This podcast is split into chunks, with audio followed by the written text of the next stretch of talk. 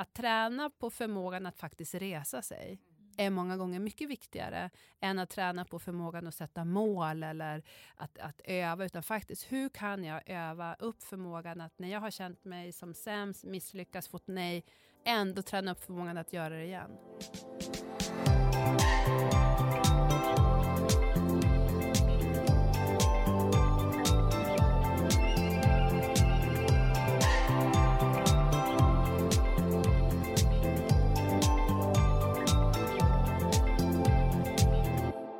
Varmt välkommen till Med målet i sikte. Jag heter Elisa Gustafsson. Jag heter Charlotte Olsson Bresciani. Och vi jobbar tillsammans på Iris. Vi coachar ju dagligen personer ut i arbete och idag kommer vi träffa en annan typ av coach. Vi ska möta artistcoachen, KBT-terapeuten och den karismatiska Sofia Lilja Åkerlund. Vi har pratat mycket om drömmar och mål här i podden. Men hur ska du göra för att nå dina mål? Och hur ska du hitta motivationen när allt inte flyter på som tänkt? Idag ska vi prata om drivkraft, strategier och målfokus. Kör bara kör! Det var en fin presentation av dig tycker jag, Sofia. Ja, Men hur, eh, hur brukar du presentera dig själv Ja. när du möter nya människor? Till början vill jag säga hej, tack för att jag får vara här. Fy vad spännande, alltså, jag längtar att få komma hit. Ja. Har Jag har längtat hört- efter dig också. Ja, jag har ju hört er podd och det här känns jättekul. Jag går ju verkligen själv igång på ämnet. Du frågar hur jag brukar presentera mig. Jag brukar börja med mitt namn. Eh, sen beror det lite grann på vad jag vill lyfta fram, vem jag träffar. Jag är egentligen mest intresserad av den jag träffar. Så att jag, jag, jag brukar räcka med att säga mitt namn och fråga vem du är och hur du mår. Och så. Men i min yrkesroll så är jag ju i grunden sångpedagog men har jobbat som sångcoach i 20 år i musikbranschen och artistcoach. Och det här ordet coach kom väl egentligen in när jag började jobba med Idol och de pratade om ja, men hur ska vi eh, sätta titel på dig. Och då var jag ganska främmande inför hela det här begreppet just med coach, men insåg att det är egentligen det jag gör. Att det är, det jag är ett bollplank. Jag var ju inte där och är inte i något sammanhang för att lära någon, utan för att bolla lite grann vad du vill och hur du ska vilja ta dig dit och så vidare. Och då tycker jag det här med coach är ett bra epitet på det. Och det har också på något sätt fördjupats vidare under åren. Så jag tänker att vi kommer säkert tillbaka till det så småningom. Det finns ju olika sätt att coacha. Jag, jag tänkte bara som vi satt här och tänkte lite förut just vilka, vad man har för egna erfarenheter av coaching och sång. Jag sjunger ju som sagt eh, inte bra, det vet ju du också. så därför. Eh, men som till exempel som eh, när jag var med i Lucia-tåget för, eller i, ja, i Lucia-kören för många herrans år sedan så hade vi väl inte en jättebra... Jag hade kanske behövt dig som sångcoach då, för hon som var våran körledare då, hon kom fram vid något tillfälle och så sa hon, jag kommer precis ihåg vilken låt det var också. Och det var den här Det strålar en stjärna. Och just när det kommer till sång. strålar, Ja. då, eh, som ni hörde då, låter det inte bra. Och då kom hon fram och så, för det första fick jag stå längst bak och så sa hon så här, men Charlotte, när det kommer till de här höga tonerna, det vore bra om du kunde mima då. Och det kände jag så här, var det bra coaching? Nej, det- men, nej. Det är, det, verk- det är verkligen IG på det. Och där, fast jag kan ju säga som en anekdot att jag Ja. blev ju faktiskt vald till Lucia sen. Då. Alltid något. Ja. Du Fast gjorde nu något brukar rätt. ju Lucian vara den som inte ska sjunga. Ja, nu vill inte jag grusa dina liksom, så här. Ja, men hon balanserar ju upp det väl då. Hon, jag, jag tycker att man ska inte säga... Jag hör det så ofta, så många människor som har blivit alltså, eh, skammade så, fått så, eh, tryckt på sig väldigt tidigt att du ska inte sjunga eller du ska inte göra det här. Och tyvärr ofta i skolsammanhang eller i gruppsammanhang. Och det där kan ju, jag vet inte hur det blev för dig om du blev traumatiserad. Du kanske Det blev dig- jag. Ja. Jag sjunger bara i duschen och Ja, du bilen. ser. Mm. Nej, men att just att... att ehm, men, men hon försökte väl väga upp det då med att göra det till Lucia. Men, men just det där att du ska inte sjunga eller kan inte du vara tyst eller du får stå längst bak. Det är skrämmande hur du många, mima? ja, hur många som, som har fått höra det. Vi har ju faktiskt många av, av våra eh, deltagare och elever som kanske ska genomföra en utbildning men är så här, fast jag kan inte. För jag har inget läshuvud. Det, det har jag fått höra av mina lärare hela livet. Och det är också en sån Mm. grej där Mm. när man fick höra någonting när man var tio, Mm. då har man liksom accepterar det och bara Mm. liksom, Ja. Fast Ja, det kanske är, det är en av omöjligt sin, då. sina stora passioner också i Mm. livet som man vill nå. Mm. Så får man höra Mm. nej men du kommer inte lyckas. nej. Vad är dina stora passioner i livet? Nej, men min stora passion är ju att hjälpa människor att återerövra sin kraft. Det är det som är min, eh, det jag gör. Det är mitt mission och det är min eh, hisspitch och det är det, det är det jag brinner för. Och det kan se på, ut på olika sätt. Ehm, jag går verkligen igång på att se människor hitta den här strålkraften som har funnits inom dem alltid. Mm. Men av olika anledningar blivit begravt eller att man har tappat längs vägen av sådana här erfarenheter som vi pratar om eller av annat. Och jag tänker att vi är inne på det nu, de här, de här valda sanningarna eller det som vi har dragit med oss som vi har i vår livsryggsäck som vi drar runt med som också sätter käppar i vårt eget hjul när det kommer till mål eller att, att utvecklas som individer. Och det är det, som är min, det, det, är det som är min passion, att hjälpa människor att stråla, hitta sin fulla potential. Och att också eh, omfamna det, att det är ingenting som är fel på mig, utan det handlar om hur jag förhåller mig till det och vad som är viktigt. Och att kanske det handlar om, jag brukar beskriva det som att min bakgrund är inom musik och ni vet, de flesta vet vad ett mixerbord är. Man skruvar på olika rattar, man skruvar upp en frekvens och kanske det blir väldigt mycket starkt av diskant eller vast eller så. Alla vi tänker ha ett inre mixerbord där vissa mm. frekvenser är uppskruvade kanske lite väl mycket eller nerskruvade. Och det handlar om att få en förståelse för vad har jag med mig bakåt i tiden utan att kanske gräva för djupt men också hur vill jag ha? Vad är det för frekvenser som jag kanske behöver skruva upp lite grann och kanske behöver skruva ner för att få en annan typ av, av eh, klang inom mig så, så att jag kan känna mig stark eller omfamna i situationer när jag känner mig svag. Att det är okej okay att vara svag här och mm. inte gå då kanske i, i negativa beteenden. Men om, om, man ska sätta mål nu då, hur ska man tänka? Eh, hur sätter man sina mål? För ibland som Lisa, hon eh, tror ju att hon inte har några mål. Mm. Hon vet inte om det i alla fall. Nej. men jag är jätte... Jag, jag tänker så här att ja, men nu ska jag sätta mina dagsmål och nu ska jag sätta mina livsmål och sen bara ja, nej men jag är nöjd. Det, ja. det, jag, alltså jag, jag har lite svårt att liksom, jag vet inte om jag har dålig fantasi eller om det handlar om självkänsla, att jag inte vågar liksom sikta högt. Mm. Hur högt ska man sikta när man, mm. när man gör mål? Hur många mål kan man ha? Ja. Alltså, hur sätter man dem? Så många bra det... frågor. Ja. En, en lätt fråga här. Då ska vi se vart vi ska börja. det är ju det jag tänker som du beskriver Lisa, att du låter som, det är fantastiskt att vara nöjd. Och jag tänker att många människor tror jag förknippar det här med mål, att det måste vara en förändring. Att det är någonting som måste bort eller någonting som är fel eller att man ska förändra. Men det kan ju också vara, tänk, som jag ser att det handlar om att, att ge, ge någonting mer i sitt liv, mer utrymme. Jag tänker att jag tar en liten sån allmän snack om mål, för det är, så, det är väldigt jag vill vara tydlig och säga att det är väldigt komplext. Det skapar mycket stress och oro och ångest hos många. Så mm. det här är mm. ingenting, tänker jag, eh, jag vill vara väldigt ödmjuk inför det ämnet. För att vi lever i en tid där psykisk ohälsa bara ökar och framförallt i yngre åldrar. Och vi bär på mycket stress all, i alla mm. möjliga, från barn till gamla. Så att mål är förknippat med krav lite mer Exakt, hos många? Exakt, ja mm. precis. Så jag tänker att vi behöver någonstans här, vi behöver ta ett djupt andetag när vi går in och pratar om mål för att någonstans kunna titta med lite distans. Vad är, mina, vad är mitt förhållningssätt kring mål? Många gånger behöver vi stanna där ganska länge för att inte bara köra på. För att det blir lätt att det blir ännu ett misslyckande. Och jag tänker att det kommer väl att komma tillbaka. Men, till, men din fråga...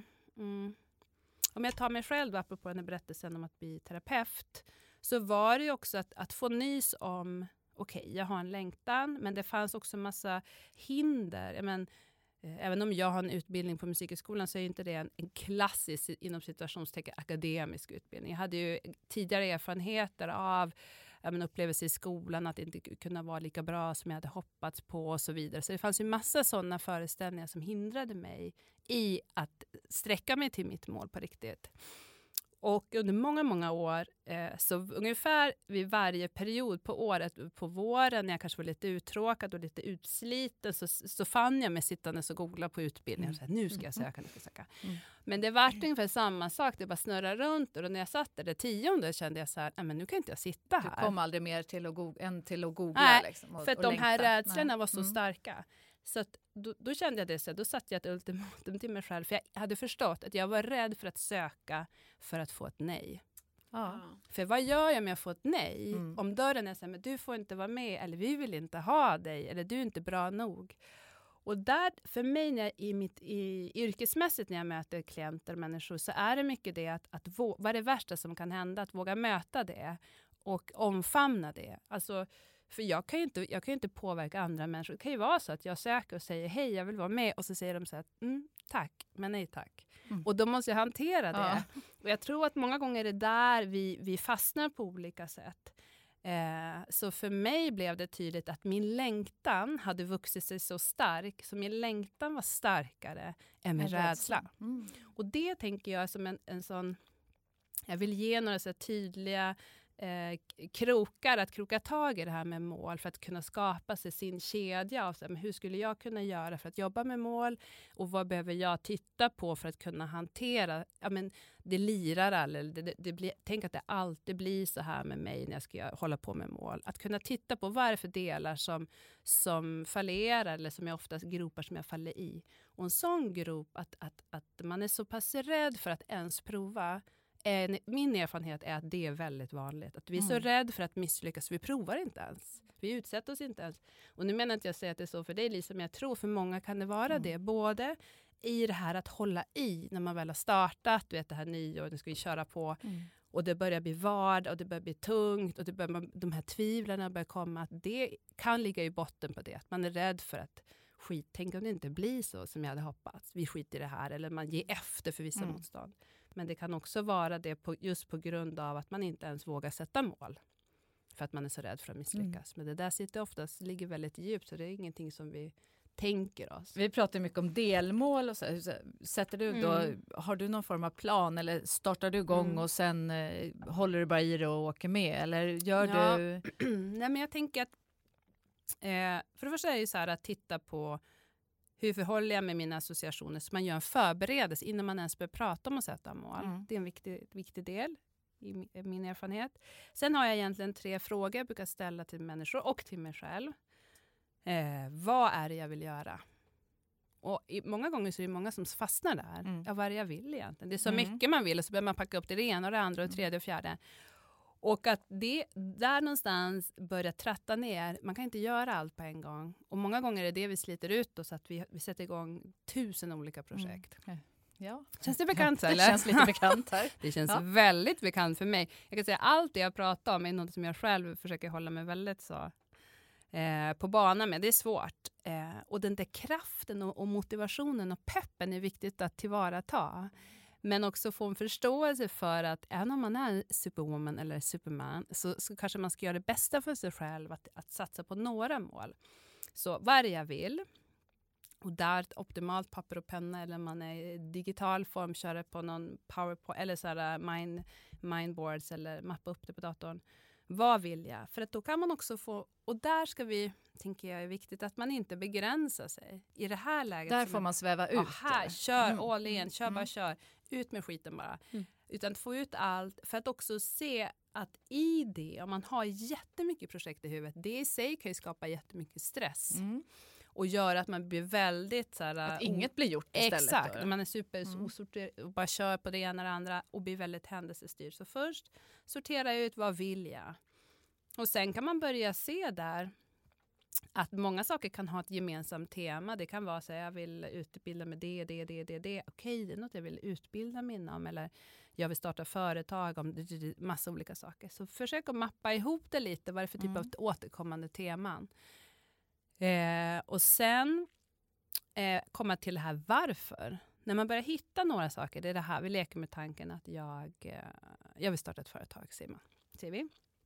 Varför vill du starta ett företag? Mm. Varför är det viktigt för dig? Vad, vad är anledningen? Var, varför är, är det angeläget nog? Och det där varför är det som är, som är frö till det här um, drivkraften sen om ett halvår, Mm. när du ska fortfarande hålla i det, eller om en vecka. Det här varför jag gör det, när allt annat börjar pocka på din uppmärksamhet. Mm. Varför? Man kommer ihåg sitt why då när man sitter där och Exakt, sliter exakt. sitt hår. Det tredje är så här, uh, hur skulle ditt liv se ut om det blev sant? Ah, så man ska göra en bild. Exakt. Och då kommer vi också in i det på det här, okej, okej hur skulle det se ut? Många gånger kan vi inte ens föreställa oss det. Och då är det svårt för det här mellan öronen hjärnan att ens tänka vad, vad är det vi ska rikta oss mot. Det här verkar livsfarligt. Det här går till skogen, vi går tillbaka. Utan att kunna bygga upp det. Vad är det hur skulle det se ut? Okej, okay, vem är där?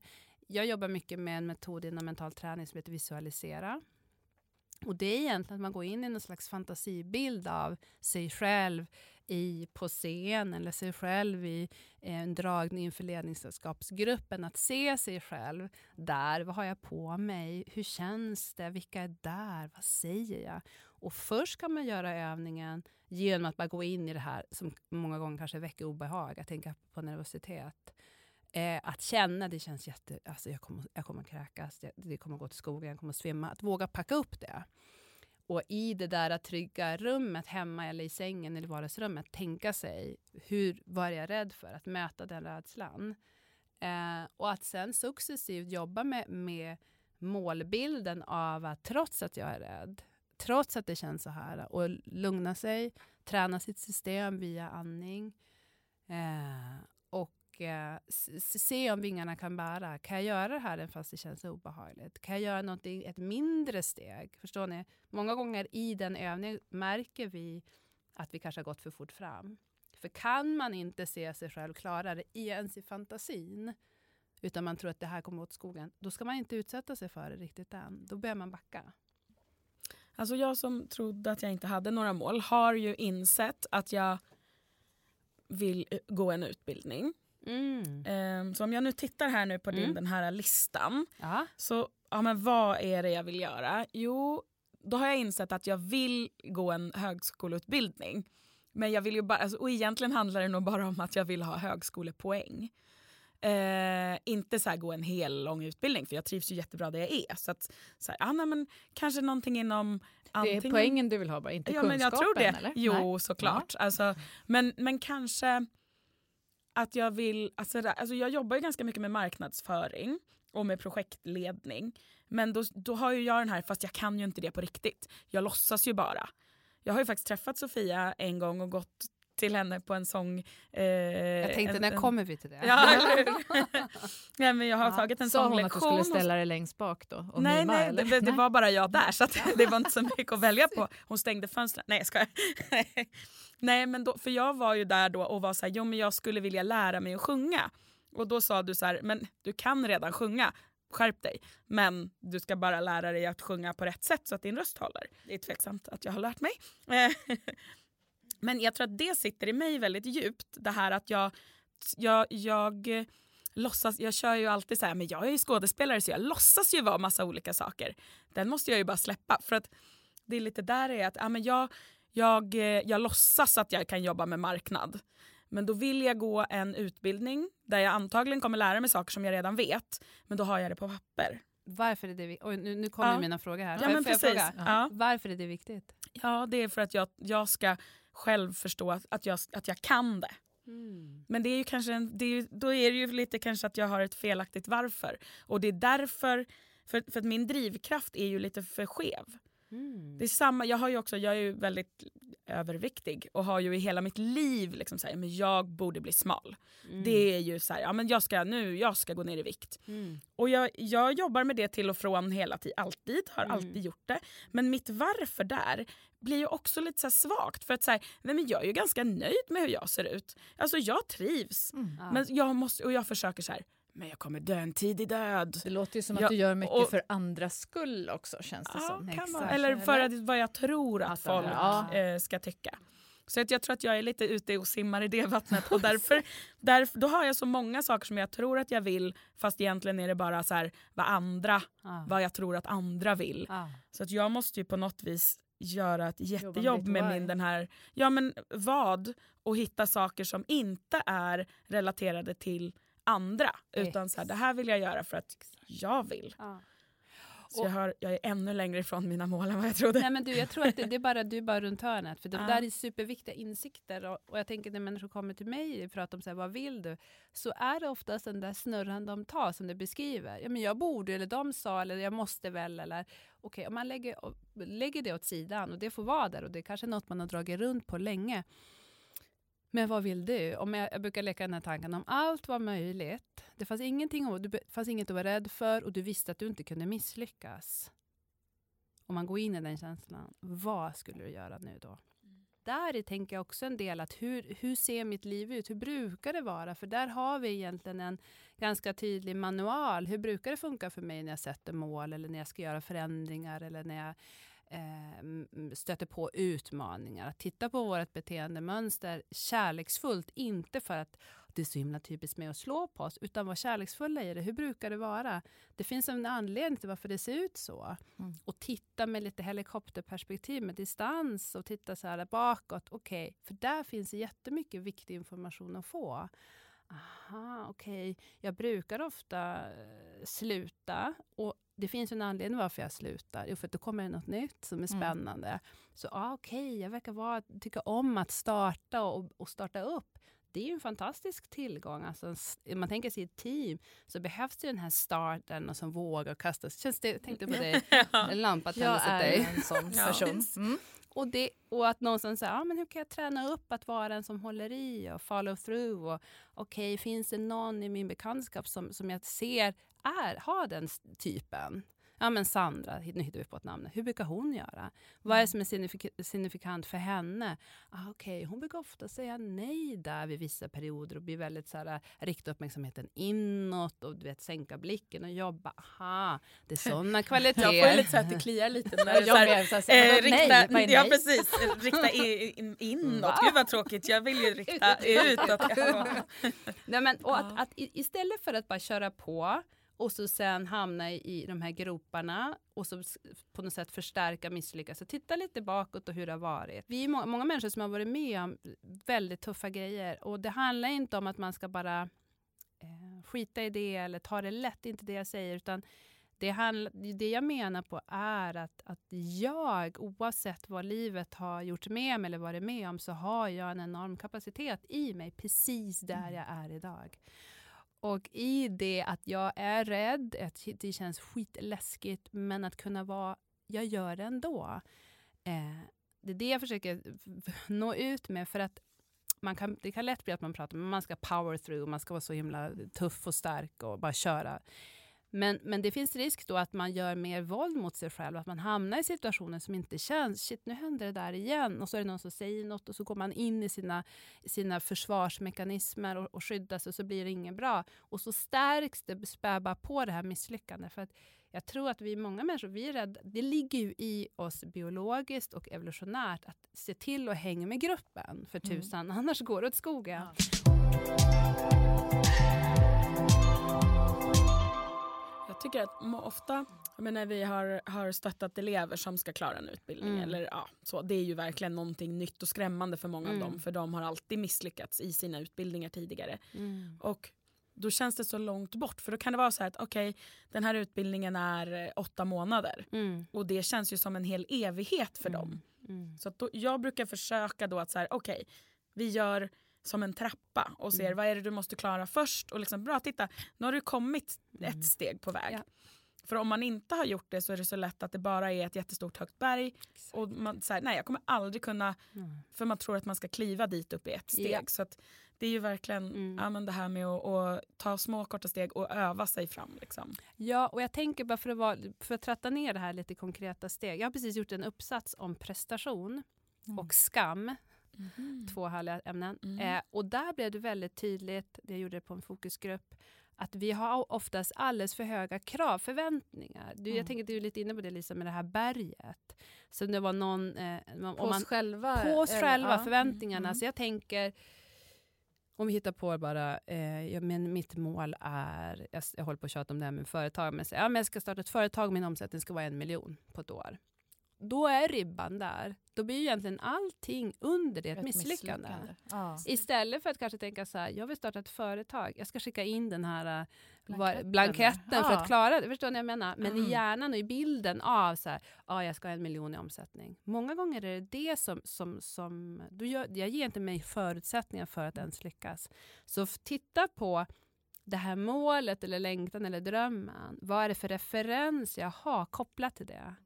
Och många gånger får, ser man det att ja, men det är den jag måste på något sätt eh, det är för stor eh, diskrepans mellan där jag är och där mina förväntningar är. Det betyder inte att du inte kommer kunna ha ett företag där du kan ha en miljon i omsättning. Men du kan inte gå från inte noll till hundra. Nej. Nej.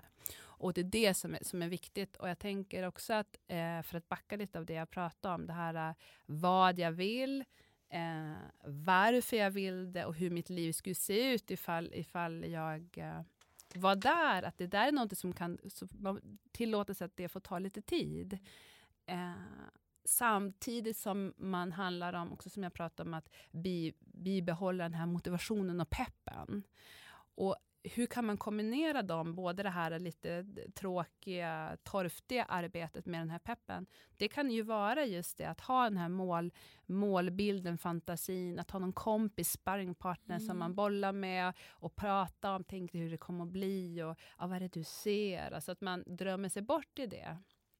Så därför tänker jag att det är viktigt att göra det här eh, grovgöra, att det kommer att ha igen för mm. alltid. Men det är viktigt också att tillvarata den här energin. Men jag tänker också där, eh, vi pratar om rädslor och misslyckas, att det kan vara hinder för att nå sina mål eller gå vidare eller att man bromsar sig själv. Mm. Rent, om du har några tips, vad, vad kan jag göra för att undvika eller hur man övervinner sina rädslor? För mm. jag tänker också i, om vi applicerar det här på våra de som vi jobbar med, också sådana som söker ett nytt jobb, man kanske var arbetssökande länge, man är rädd för att bli avvisad eller man mm. är rädd för att ja, man kanske till och med börja jobba för mm. att det har, man har varit mm. utanför arbetsmarknaden så länge. Liksom. Hur övervinner man sina rädslor? Mm. Ja, men för det första är det viktigt att se att de är där och att det är det jag styrs av. Jag, jag tänker så här att egentligen allt vi gör i livet, allt mänskligt beteende, allt vi gör är eh, en reaktion eller eh, en process från de inre processerna som pågår. Så att någonstans bli medveten om vad är det jag bär på, vad är det som på något sätt pågår mycket. Och det behöver man inte vara behöver man inte gå superdjupt. Det är bara att titta lite på, ja, men, är jag väldigt stressad, bär jag mycket på oro? Hur, jag menar, tänker när ni möter era klienter, att, men, hur, hur svarar jag oftast? Är det mycket utifrån ett undvikande eller utifrån rädsla? Att få lite koll på det. Då tror jag det kan vara hjälpsamt att alltså göra något självstärkande eh, ja, men lägga mer fokus utifrån vara på platser där man känner att man mår bra, där man kan känna sig trygg, för att lugna det här stresssystemet. Att, att ge det, så man bäddar in sig själv på något sätt mentalt i det. Eh, och handfastligen är, lek med tanken att ni träffar era klienter och de upplever så här, men jag är så rädd för oro.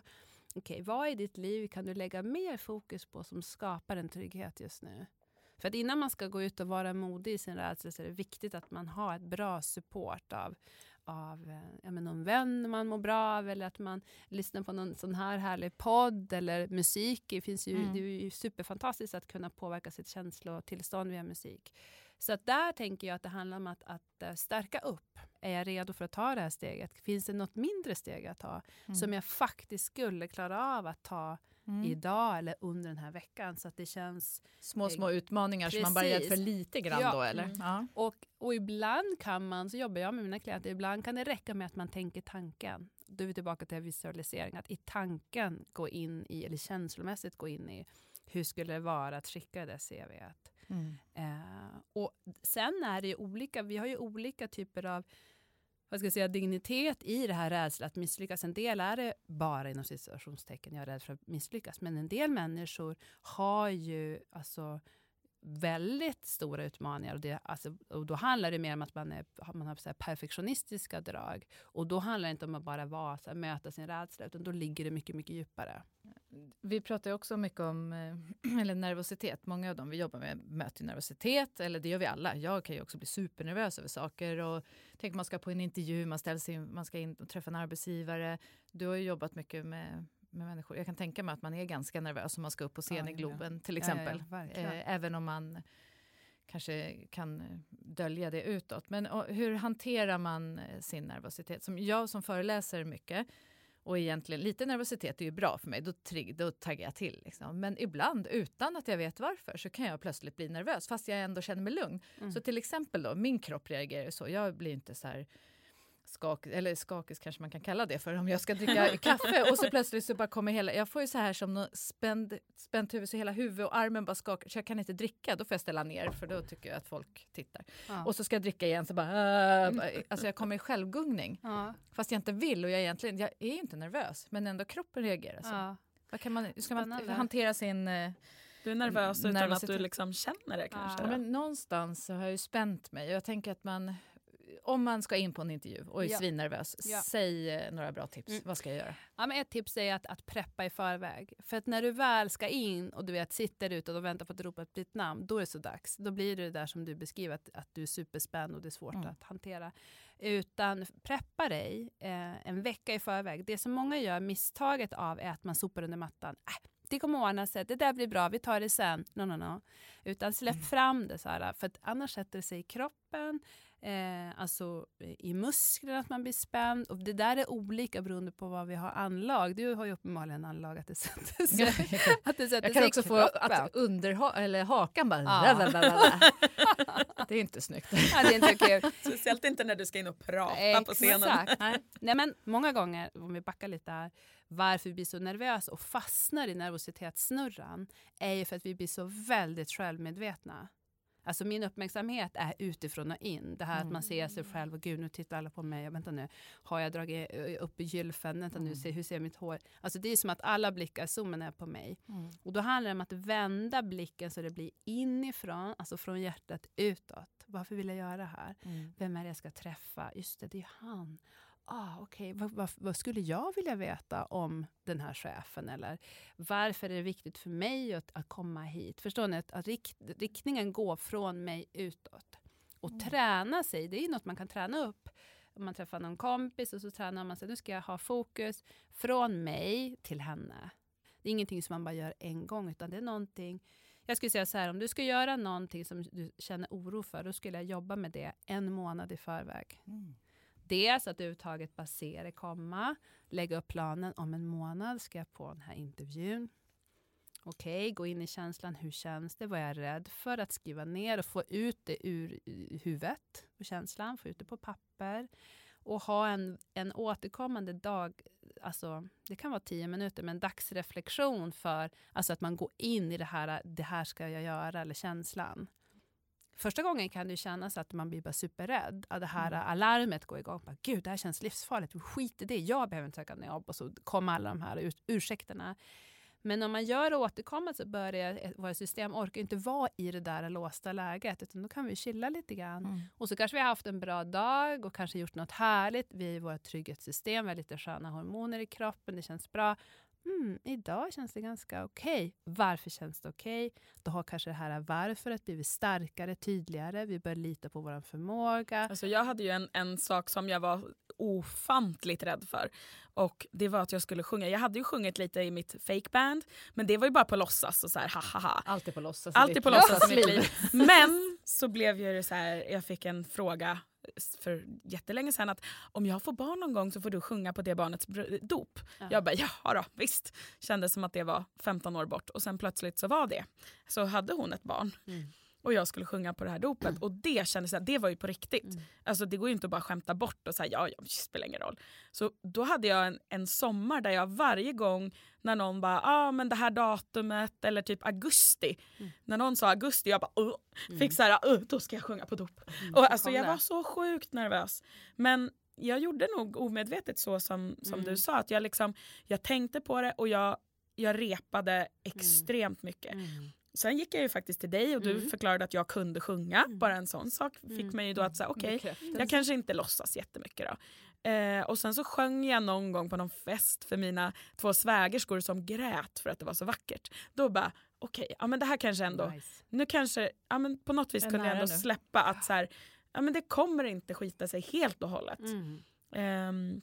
Och det gick ju bra. Jag var inte Mm. extremt nervös när jag väl stod där inne i Mm. kyrkan utan det var, liksom, det var, det var hanterbart Ja. verkligen. Ja. Fast du är ju Eh. så också så att du, när du plötsligt så här, jag är inte nervös. Ja. Då blir du så nervös för att du inte är nervös Ja. så då blir du nervös. Ja, Ja, men det har jag också varit med om. Jag Mm. hade en, en sommar där jag var toastmaster på typ tre bröllop eller något sånt. Det blev liksom lite, det, var, det blev som en vana eller men så. Så jag bara, jag vet att när jag så här och ställer mig upp, då bara shit, jag är inte nervös. Och då Nej. blev jag jättenervös och så ordnade sig allt. Men det, alltså, Det så att jag tänker att, att man kanske också ska välkomna nervositeten för att om man inte är nervös alls då kanske man inte liksom har tagit situationen riktigt på allvar. Då går man in i det och bara ja, ja det här bara Ah. kör jag igenom Ah. enkelt. Ah. Oavsett om det är en, en, eh, eh, att man söker ett jobb. eller- Ja, Mm, precis. ja. Så, så behöver man ju ha den här lilla, liksom, Mm. att man är på tå på något Ja, ja, sätt. absolut. Ja. Ja. men det jag tänker Som inom... positiv stress lite, att man har en, Precis. den taggar till lite. Ja, och det är ju, för det är många som, som kommer och säger att du måste ta bort, jag vill ta bort min nervositet. Eller, och det är ju verkligen en superviktig del i det. Att Kan det man är vända angeläget. nervositet till Ja. en styrka? Ja, och det är ju att någonstans notera att det, känns, det finns någonting som känns lite utsatt här. Och istället för att hamna i kramp eller i perfektion eller i prestation av att det måste, det måste, alla de här måsten, utan att rikta sig mot varför vill jag det här? Vad är meningen med Vad är syftet med det? Är syftet att jag ska vara superbäst? Och vi säger att det är det som är mitt syfte. Då blir det svårt att vända Mm. eh, nervositeten positivt, för då ligger allt krav på mig.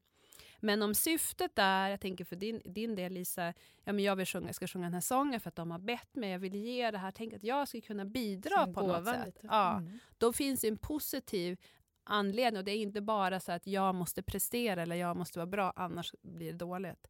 Men det är ju det också att titta på vad, vad väcker det i mig, alltså kopplingen till prestationen. Och jag tänker inom, um, ja, men inom idrott så är det supertydligt att det är många av de här VM och världsmästerskapen har ju satts just när det är skarpt läge, just när allting står på spel. Det är då de hoppar som högst, eller då Mm. de springer som fortast. För man behöver det adrenalinpåslaget. Men vi behöver också träna vårt system för att kunna hantera det. Mm. Och där tänker jag en superexempel är fysisk aktivitet. Det behöver inte vara super, super hård träning, men en, en, aktiv, en träningsform där jag får upp puls, för det tränar vi, för det är lite samma sätt som sätts igång i kroppen, för att träna kroppen på att hantera stress. Du sa ju någon gång till mig när vi pratade om, om eh, hantera nervositet, så här, att om man är jättenervös så ska man bara slänga sig ner och göra tio snabba armhävningar. Det är Har ju du gjort det? stö- ja, det, ja, det ser så konstigt ut när jag gör det från rullstolen där och så bara smack ner och så kör jag. Ja. Nej, men faktiskt, om Ja. man, eller bara ställa sig i en så här power pose och Ja. bara ja, men få igång det här uh, Ja. peppet. Jag har Ja. ju kört armhävningar på en handikapptå innan. Bra, good student.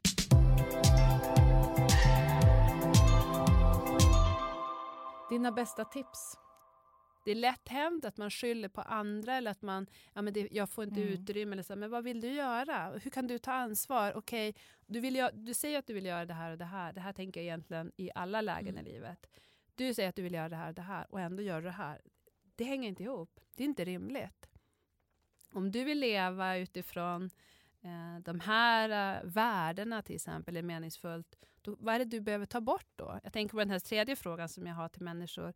Hur skulle ditt liv se ut? Alltså vad, för vi lägger, jag menar jag gör det hela tiden, jag bara adderar på och maxar på. Istället för vad är det jag behöver ta bort? Vad är jag Mm. villig att sluta göra? Eh, man, det, eh, jag brukar prata om att det som, det som har tagit dig till den punkten du är i livet idag, det är ju allt du har gjort hittills. Men det som kommer att ta dig vidare härifrån och framåt, det är en massa saker som du kanske ännu inte har utvecklat i dig, i dina förmågor som du har. Och vad är det som du kanske behöver packa upp mer eller titta på eller justera? Eh, och eh, som han, vad heter han, eh, nu ska jag citera här, det här kan ju gå helt åt skogen. Men heter han inte Thomas? Ingen press. Ingen press. Eh, men heter han Thomas Edison, han som kom på den här eh, Glödlampan. Mm. Mm. Det sitter två hjärnkirurger Ja, här bakom och kan det här. Ja. ja. Jag vet inte om hjärnkirurger och glödlampor hör ihop Charlotte, men ja. Anyway, nej, men han pratar ju, jag tänker det här citatet just om att ja, men han hade uppfunnit så här, tusen steg eller tiotusen steg och alla bara, men gud, hur känns det med alla misslyckanden? Men han sa ju det att det är de här stegen som har gjort att det fanns tiotusen steg att ta för att komma fram till glödlampan. Alltså att vi behöver ändra vårt perspektiv apropå de kraven vi har på oss själva och att faktiskt eh, inse, många gånger tror jag att vårt ego kommer i vägen, att vi vill någonstans vara perfekta och helt klara och alla ska stå upp och applådera. Men det känns läskigt att vara den här som är lite ny och testa. Att faktiskt träna oss på att ja, men jag är en liten rookie här. Mm. Det är fine. För Man lär sig ju av sina misstag också. Eller hur? Det är ju jätteklyschigt, men det är då man lär sig. Okej, Ja. så här skulle jag inte göra. Ja, det är Och varje gång kommer man lite, lite Ja. närmare. Då kan man kryssa över någonting. Ja. Om det nu finns tusen sätt att göra det, Ja. så när han, då måste han testa, Japp. kanske om han har otur, Ja. 999 sätt innan. Precis, och frågan är då, är man villig till det? Mm. Mm. Hur det tänker jag, hur gärna vill Mm. man? Jag tänker att, att utveckla den här flexibiliteten. Hur angeläget är det? Nu kommer jag tillbaka till det här varför. Ja. Är jag villig att kanske få några nej? Många gånger som när du sa så här, men nu kanske jag kommer ännu längre bort ifrån mitt varför. Nej men du, det är runt hörnet. Mm. Om man bara står kvar, fortsätter att träna på förmågan att faktiskt resa sig är många gånger mycket viktigare än att träna på förmågan att sätta mål eller att, att öva. Utan faktiskt, hur kan jag öva upp förmågan att när jag har känt mig som sämst, misslyckats, fått nej, ändå träna upp förmågan att göra det igen. Mm. Ja, men det, det, för det tror jag är ganska många med mig som, som kanske har ett mål, börjar och allt går jättebra i en månad. Men sen oavsett, om vi nu säger att jag kommer på att, att mitt varför, min drivkraft till att, till att utbilda mig faktiskt handlar om någonting som Mm. är för mig och inte Mm. för någon annan. Om jag då börjar plugga, fortsätter jobba heltid och det går jättebra ända tills första eh, tentan ska in och jag Mm. får IG på den. Mm. Då kan ju jag ha en aning om att jag kanske bara, nej det var Mm. inte så viktigt, jag Ja. slutar. Ja. Men hur, det är där jag behöver liksom, är kanske Sofia som- som, står och bara Mm. Kanske. rycker upp mig. Men, Ja. men om jag inte har dig som Ja, men då fysisk jag att då, person. då är det ju, jag menar, eh, jag kan ta ett exempel på mig själv då, återigen apropå, det är så nära till hands med tanke på min utbildning.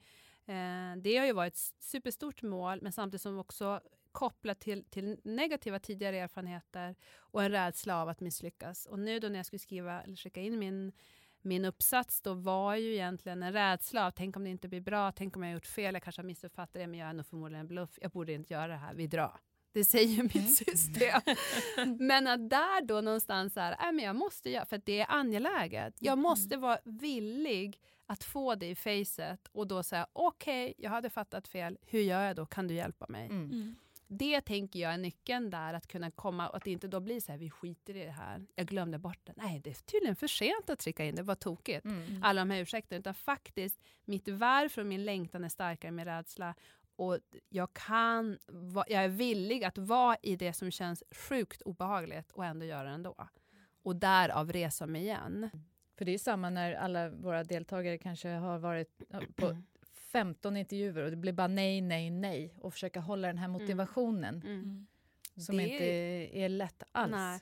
Och det vill jag verkligen vara tydlig med. Det är super, super tufft. Mm. Men om man börjar lyssna på människor som har gått före, som man tänker som man ser upp till eller som, man, som har gjort stora innovationer och börjar lyssna på deras historier så, så finns det... alla varit där? Alla varit Mm. där. Mm. Det finns ingen i det, i det laget som någonstans tycker bara va?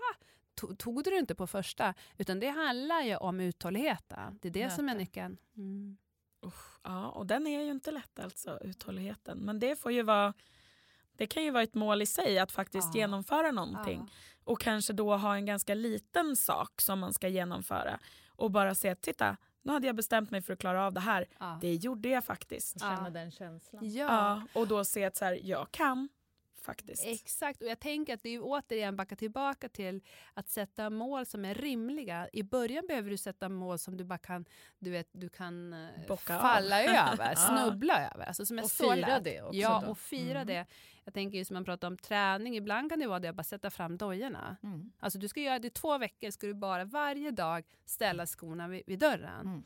Då kan man tycka, men det kommer inte göra. Nej, men alltså det är för att träna in det beteendet av uthållighet. Vänta nu, jag glömde bort, okej, vad är det jag får justera? Så det är super, super viktigt för att öva på beteendeförändringen, att fira de här små stegen och att stärka upp sig hela tiden. Ha någon som man kanske bollar med som kan vara den här personen. Hur går det? Peppen. Mm. Eh, så kommer vi kommer att ta oss dit. Men Mm. det handlar om att vi behöver nog många gånger sänka våra förväntningar och krav på oss själva.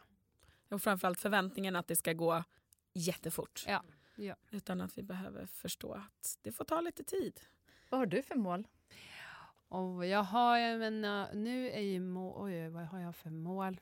Du är ju snart i hamn med ditt Ja, mål om ja, en vecka. Ditt exakt. stora mål. Nej, men jag, mål? ja, men jag har ju målet att fortsätta. Jag har ju egentligen, apropå visualisering, jag har en jättetydlig bild av hur min framtid, nu tänker jag mycket utifrån mitt uh, företag och hela Mm. det entreprenörsdelen i det, hur det ser ut, så vart jag är på väg, vad jag bygger. Och i Mm. det så ser jag att, att det, det är en bok som ska till. Du ser en bok Ni sa, också. och det är Ja. viktigt, där är ju en viktig del att prata om det. Mm. Att börja Ja. prata om det så det blir en verklighet. Ja. Mm. Nu har du sagt det. Jag har sagt det. Ja. Mm. Vad ska boken handla om? Det kommer att handla om egentligen det jag har pratat om, kopplingen med prestation och eh, kreativitet och vårt autentiska uttryck. Ehm, så att det är det det kommer handla om.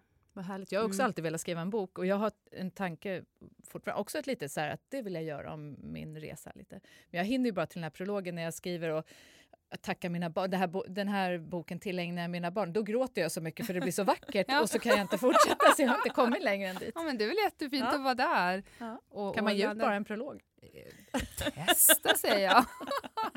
det känns väldigt nytänkt. Ja. Ja. Jaha, Charlotte. Wow. Hur eh, sammanfattar vi det här med alla de här fantastiska stegen och eh, målen siktet? kanon att jag får sammanfatta det här fantastiska programmet lite snabbt här.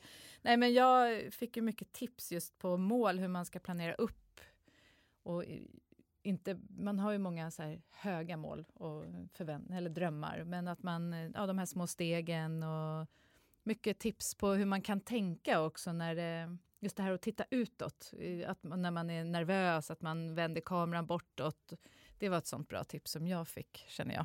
Och inte kanske det här sikta högt som man är så in, eller jag i alla fall är väldigt Sikta in, mot liksom, stjärnorna. Liksom. Ja Du- men precis, för att det är bättre att sikta högt och nå halvvägs än att sikta lågt och sen bara nå dit. Då. Men Mm. fast nej, man kanske, nu, om man inte är en van eh, mål, måluppfyllerska så kanske man ska sikta lågt i början. Men jag känner att den här, vad är det jag vill göra, varför vill jag De göra tre det? frågorna är ju Ja. jättebra. Och den kan man ju applicera var man än, vare sig man ska ha ett nytt jobb eller man ska nå, klara en utbildning eller man Ska anställa någon ny person? ja, eller bara byta riktning i sitt personliga liv. Om det är liksom att bli ihop med någon eller lämna någon. Alltså, vad, Mm. Man kan ju applicera de frågorna på allting egentligen. Och det här är liksom målbilden av hur skulle det se ut.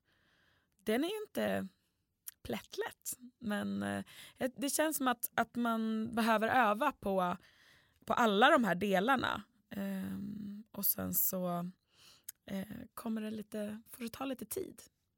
Tusen tack Sofia för att vi fick ha dig här. Tack snälla för att jag fick prata om det. Det är superspännande. Verkligen. Vi ser fram emot att läsa boken sen. Det gör vi. Det gör jag med. Signerat ex ska vi ha. Ja, Ja, såklart. Tack snälla. Tack.